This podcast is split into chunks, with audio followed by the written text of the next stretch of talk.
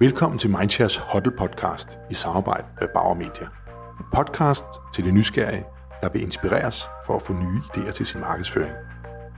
Nu skal du møde Ulrik Hågerup.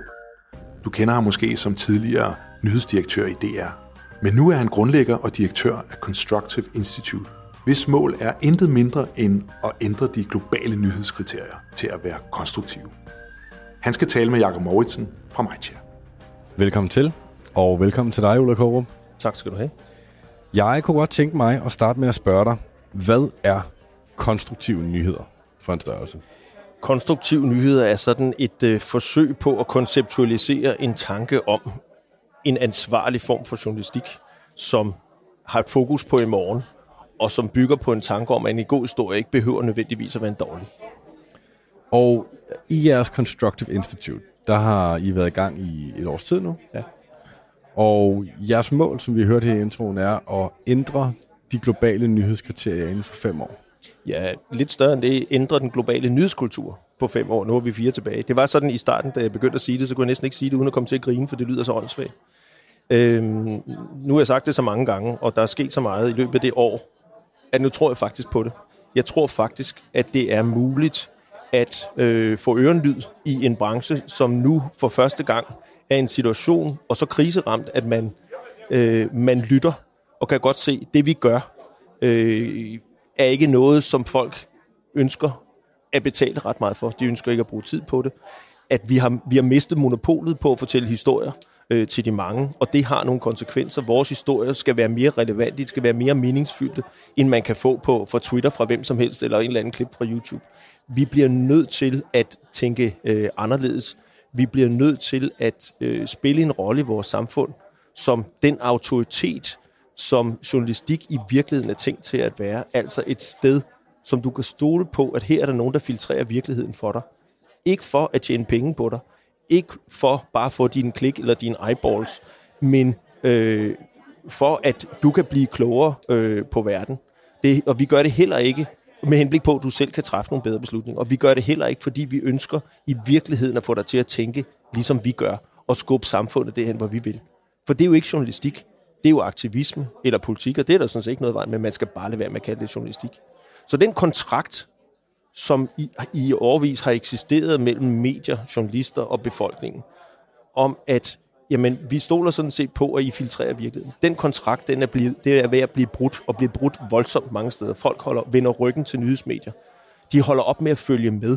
Det er blevet okay at sige til hinanden, jeg gider ikke at læse avis, jeg gider ikke at følge med, jeg bliver deprimeret af det. Især unge siger det, især kvinder siger det.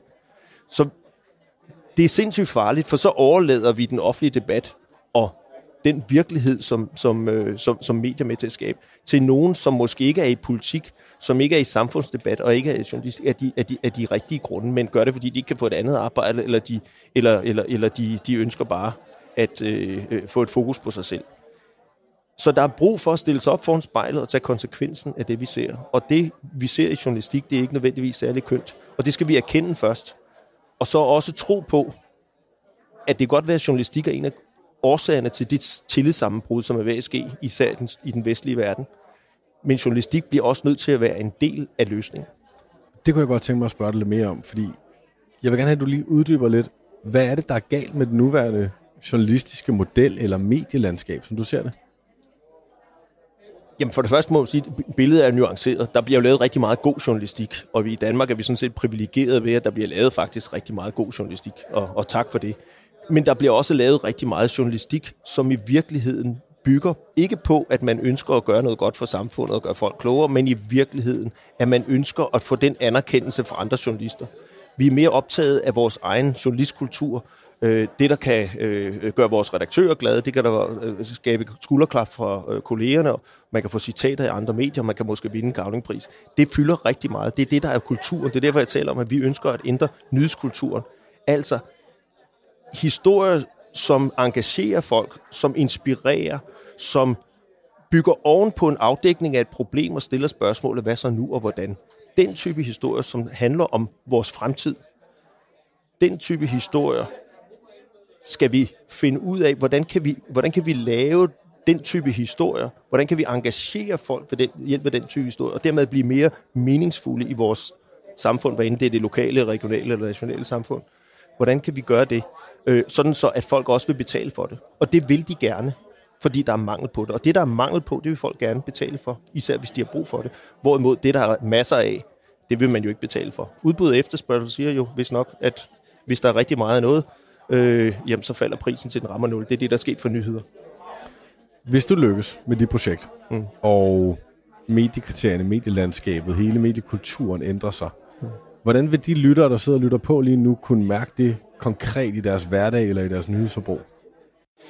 Jamen, de vil, de vil opdage, at, at, øh, at det er engagerende. Øh, det, det, er noget, der giver, det, det er noget, der giver håb. Det er noget, der, øh, der, der peger frem. Det er noget, der skaber fællesskaber. At det at være en del af et, kan man sige, et, et, et, et, et fællesskab, som et medie er, er med til at skabe, som nærmest som et medlemsblad. Altså folk, man, man skal jo se et abonnementsbetaling ikke som, ikke som en eller anden pris for det, men, men sådan et, et, et, øh, et kontingent, man betaler for at være medlem i denne her øh, lokale forening, som, altså, som, som handler om, at vi skal gøre vores vores ø til et bedre sted at være. Vi skal gøre vores by til et bedre sted. Vi skal gøre vores land til et bedre sted, at være. Og det fællesskab bliver bundet sammen af journalistik, af medier, som ikke bare skriver eller fortæller, men også engagerer, laver møder, alt sammen med, ud, med, med udgangspunkt i, hvordan kan vi gøre vores samfund bedre? Uden at begynde at fortælle, hvordan det skal være, men at sige, lad os inspirere, lad os hente historier andre steder fra. Hvis der er et problem i den landsby, og, øh, der, hvad har de så gjort i nabolandsbyen, som vi kan lære af her? Hvis vi har et problem med det her mangel på læger i Danmark, hvordan løste de det så i Nord-Norge? Den type historier er vildt interessant at se. Det viser alle undersøgelser, og dem, som begynder at eksperimentere med det her rundt omkring i verden, begynder at få resultater af det. The Guardian har gjort det i 18 måneder, hvor det viser til deres store overraskelse, folk læste den her type historie mere end traditionel nyhedshistorie. De, delte, de læste den længere tid, de læste den til ende, og de delte det mere på sociale medier. Og nu er det besluttet sig for, det her, det er ikke bare godt for demokrati og godt for selvfølelsen, og det er rent faktisk også godt på bundlinjen. Når jeg hører dig snakke, så kan jeg selvfølgelig mærke, at der sidder en passioneret person bag her. Øhm, du kommer selv fra en journalistisk baggrund. Du har selv været en del af den kultur, som du nu kritiserer. Hvordan agerer du i, i det her øh, felt, når du som, øh, man kan sige, kvad din karriere og din baggrund, har været en stor øh, del af rent faktisk at skabe den kultur, som du nu står og kritiserer? Jamen, øh, der, der er jo mange, altså, der er jo mange i mit fag, som, øh, og sådan var det også på min gamle arbejdsplads. Jeg tror, at hvis man lavede en afstemning, der begynder at snakke om det her i 2008, så ville der nok kun være en enkelt, og det ville være mig, der ville synes, at det var en god idé. Øh, de fleste synes, det var noget mærkeligt noget, og hvad, hvad handlede det virkelig? Og var der en skjult dagsorden, og skulle vi ikke længere være kritiske, og skulle vi, skulle vi bare øh, trykke pressemeddelelserne, og skulle vi bare holde op med at kontrollere magthaver og den slags? Men når det begynder at finde ud og, få konkretis- og bliver konkretiseret, man kan se historierne, man kan se, det virker faktisk.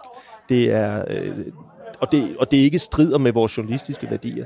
Så begynder folk at kunne se. Jeg tror, i dag vil det være sådan, hvis du spørger ud i DR, øh, så vil det ikke være noget, som, som folk synes, altså, de, langt, altså jeg, kan, jeg kan ikke forestille mig, jeg tror ikke, der er nogen, der vil sige, at der ikke er noget i det her.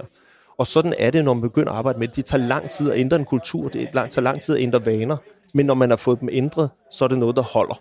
Øh, og det kan man jo også se de virksomheder i Danmark, og der, i, det er jo i Danmark, vi er for alvor at starte med det her, og, og der er flere, der arbejder med det. TV2, DR, øh, DR's øh, distrikter, øh, TV2's regioner, øh, en række dagblade begynder at arbejde med de historier, kan se, at øh, jamen, det virker sådan set. Og nu prøver vi at hjælpe hinanden med at finde ud af, jamen, hvordan virker det, hvordan gjorde jeg det, og så deler de gode eksempler, så vi lærer af de gode eksempler, og ikke kun skræmmer hinanden med de dårlige. Kan du, øh, kan du give et godt eksempel på en, øh, et medie i Danmark, der har taget det her til sig, som har fået vendt det både kommercielt, men også måske på lokalplan? Ja, mit yndlingshistorie, det er jo sådan Bornholms Tidene, øh, som øh, var jo en, øh, det kan jeg vist roligt sige, en ualmindelig øh, ringe øh, avis, som når man havde læst den, så havde man lyst til at kaste ud for den nærmeste klippe, fordi det var godt nok øh, afskrift af, øh, af politirapporten om alt det, der var gået galt i løbet af dagen, og øh, øh, hullerne i vejene, og de butikker, der var lukket, og de politikere, der sagt noget dumt. Og, og de synes, det var sådan set, det var det, der var deres... Øh, det var, ligesom, det var det, de gjorde, for det havde de altid gjort, og det var sådan set, det virkede bare ikke. Der var ikke nogen, der gad give penge for det, og de var sådan set ved at lukke. Og øh, det, det, synes journalisterne måske heller ikke gjorde så meget, fordi det, det var godt nok også kedeligt at gå på arbejde. så får de en ny chef, som bliver, vi bliver nødt til at gøre noget andet. Og, der, og, og den mission, de så får på Bornholm for fire år siden, det er, at vi, vi vil gøre Bornholm til et bedre sted at være. Så enkelt kan det siges. Og ud fra det laver de alt. Det vil sige, jamen selvfølgelig dækker de noget, der ikke virker, men de gør det med henblik på at finde ud af, hvad skal vi så gøre ved det? Og så sender de så journalister til, øh, til Gotland eller til Samsø, eller sådan Hvordan, hvordan løser de problemer med færgerne der, eller øh, kan vi, kan vi lære noget? De laver debatter, de rejser læserbrevsdebatter og på nettet og trækker folk ind, og hvad har I idéer til det? Hvordan kan vi gøre det? De selvfølgelig kontrollerer de magt her, på Bornholm, har også fået socialdirektør fyret, eller hvad det er. Men, men de gør det hele tiden med henblik på, hvordan kan det her blive bedre. Den tilgang til journalistikken har gjort, at Bornholms Tiden har fået et helt andet øh, placering i det bornholmske samfund, som jo er et rigtig godt samfund at kigge på, fordi man kan ligesom se, hvor det slutter. Det er en ø, der er 40.000 mennesker, og så er der en klippe, og så slutter samfundet der. Det, det, er, det, det er lykkes dem at ændre holdningen til Bornholms Tidene. Folk vi begynder at gerne vil betale for det og deres andel af, af læsere steg faktisk øh, fra, fra øh, i, to, i løbet af 2017 med næsten 12 procent. Og de fik det største overskud i, i øh, jeg tror, i 17 år øh, øh, ved, ved den tilgang. Så det, det er også kommercielt interessant. Og det er jo ikke fordi, at, at øh, man kan, øh, at den tidevandsbølge, som handler om, at man ikke rigtig gider betale for printaviser, at man, at man bare man indfører konstruktiv journalistik, så løser man alt, øh, alle problemer. Men deres tilgang til det, har ændret deres selvforståelse, deres glæde ved det og deres, øh, deres, øh, deres rolle i det bornholmske samfund. Øhm, og, og, de, og, og kommercielt er det også interessant. Og sådan opstår der flere og flere eksempler på det rundt omkring i de steder, hvor man, hvor man tør eksperimentere med det. Det er jo, det er jo dejligt opløft. Nu sidder vi her i september måned 2018 i København på Mindshare, og vi snakker. Og vi har nogle ambitiøse mål for, hvor det er, vi skal hen med det her konstruktive nyheder. Øh, jeg siger vi, fordi, øh, og det ved I lytter ikke, men øh, Mindshare er gået ind i kampen sammen med Ulrik Hårup og Constructive Institute for at prøve at forsøge at hjælpe med at få udbredt det her. Øh, hvis vi sidder her om et år, og vi skal fejre, at det her det er gået rigtig godt, hvad er det så, vi fejrer? Hvad er det, der er gået godt? så er der sket det, at det er blevet en del af det, man underviser fremtidens journalister i. Ikke bare på journalisterskolerne i Danmark, fordi jeg er faktisk begyndt at gøre det nu og er gået i gang her i efteråret. Øh, men det er også noget, som øh, i de lande, hvor I arbejder i, hvor vi forhåbentlig øh, øh, får sat det her på dagsordenen, hvor vi har været ude på konferencer, hvor vi har fået en dialog med folk, hvor vi har gennemført workshops, hvor man kan se, at det her det er faktisk noget, øh, der virker. Det bliver en naturlig del af den måde, den konversation, der er, og man kan begynde at arbejde med det, og folk kan se rundt omkring, det er vel nok godt. Det er vel nok godt, at nogle journalister, de påtager sig det ansvar, det er, at kunne filtrere virkeligheden fordi de, de ønsker virkelig et helhjertet hjerte, at, at jeg kan det helhjertet hjerte være andet end helhjertet. Øh, de, de ønsker helhjertet at, øh, at øh, fortælle tingene, som de er, se verden med begge øjne, og engagere folk, inspirere folk til at øh, svare på spørgsmål. Okay, nu ved vi det. Vi har dokumenteret, at der er et problem her, men hvad så nu? Og hvordan gør vi det? Og at mediet i hele det der, journalistikken, i den diskussion står helt centralt som en facilitator om et bedre i morgen.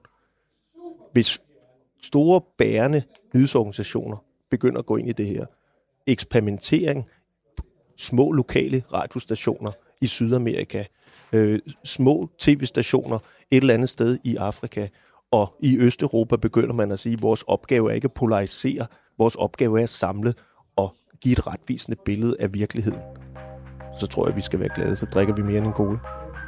Tak. Det, øh, det glæder jeg mig til. Jeg håber på, at vi ses igen næste år. Og øh, tak fordi du lyttede med i dag.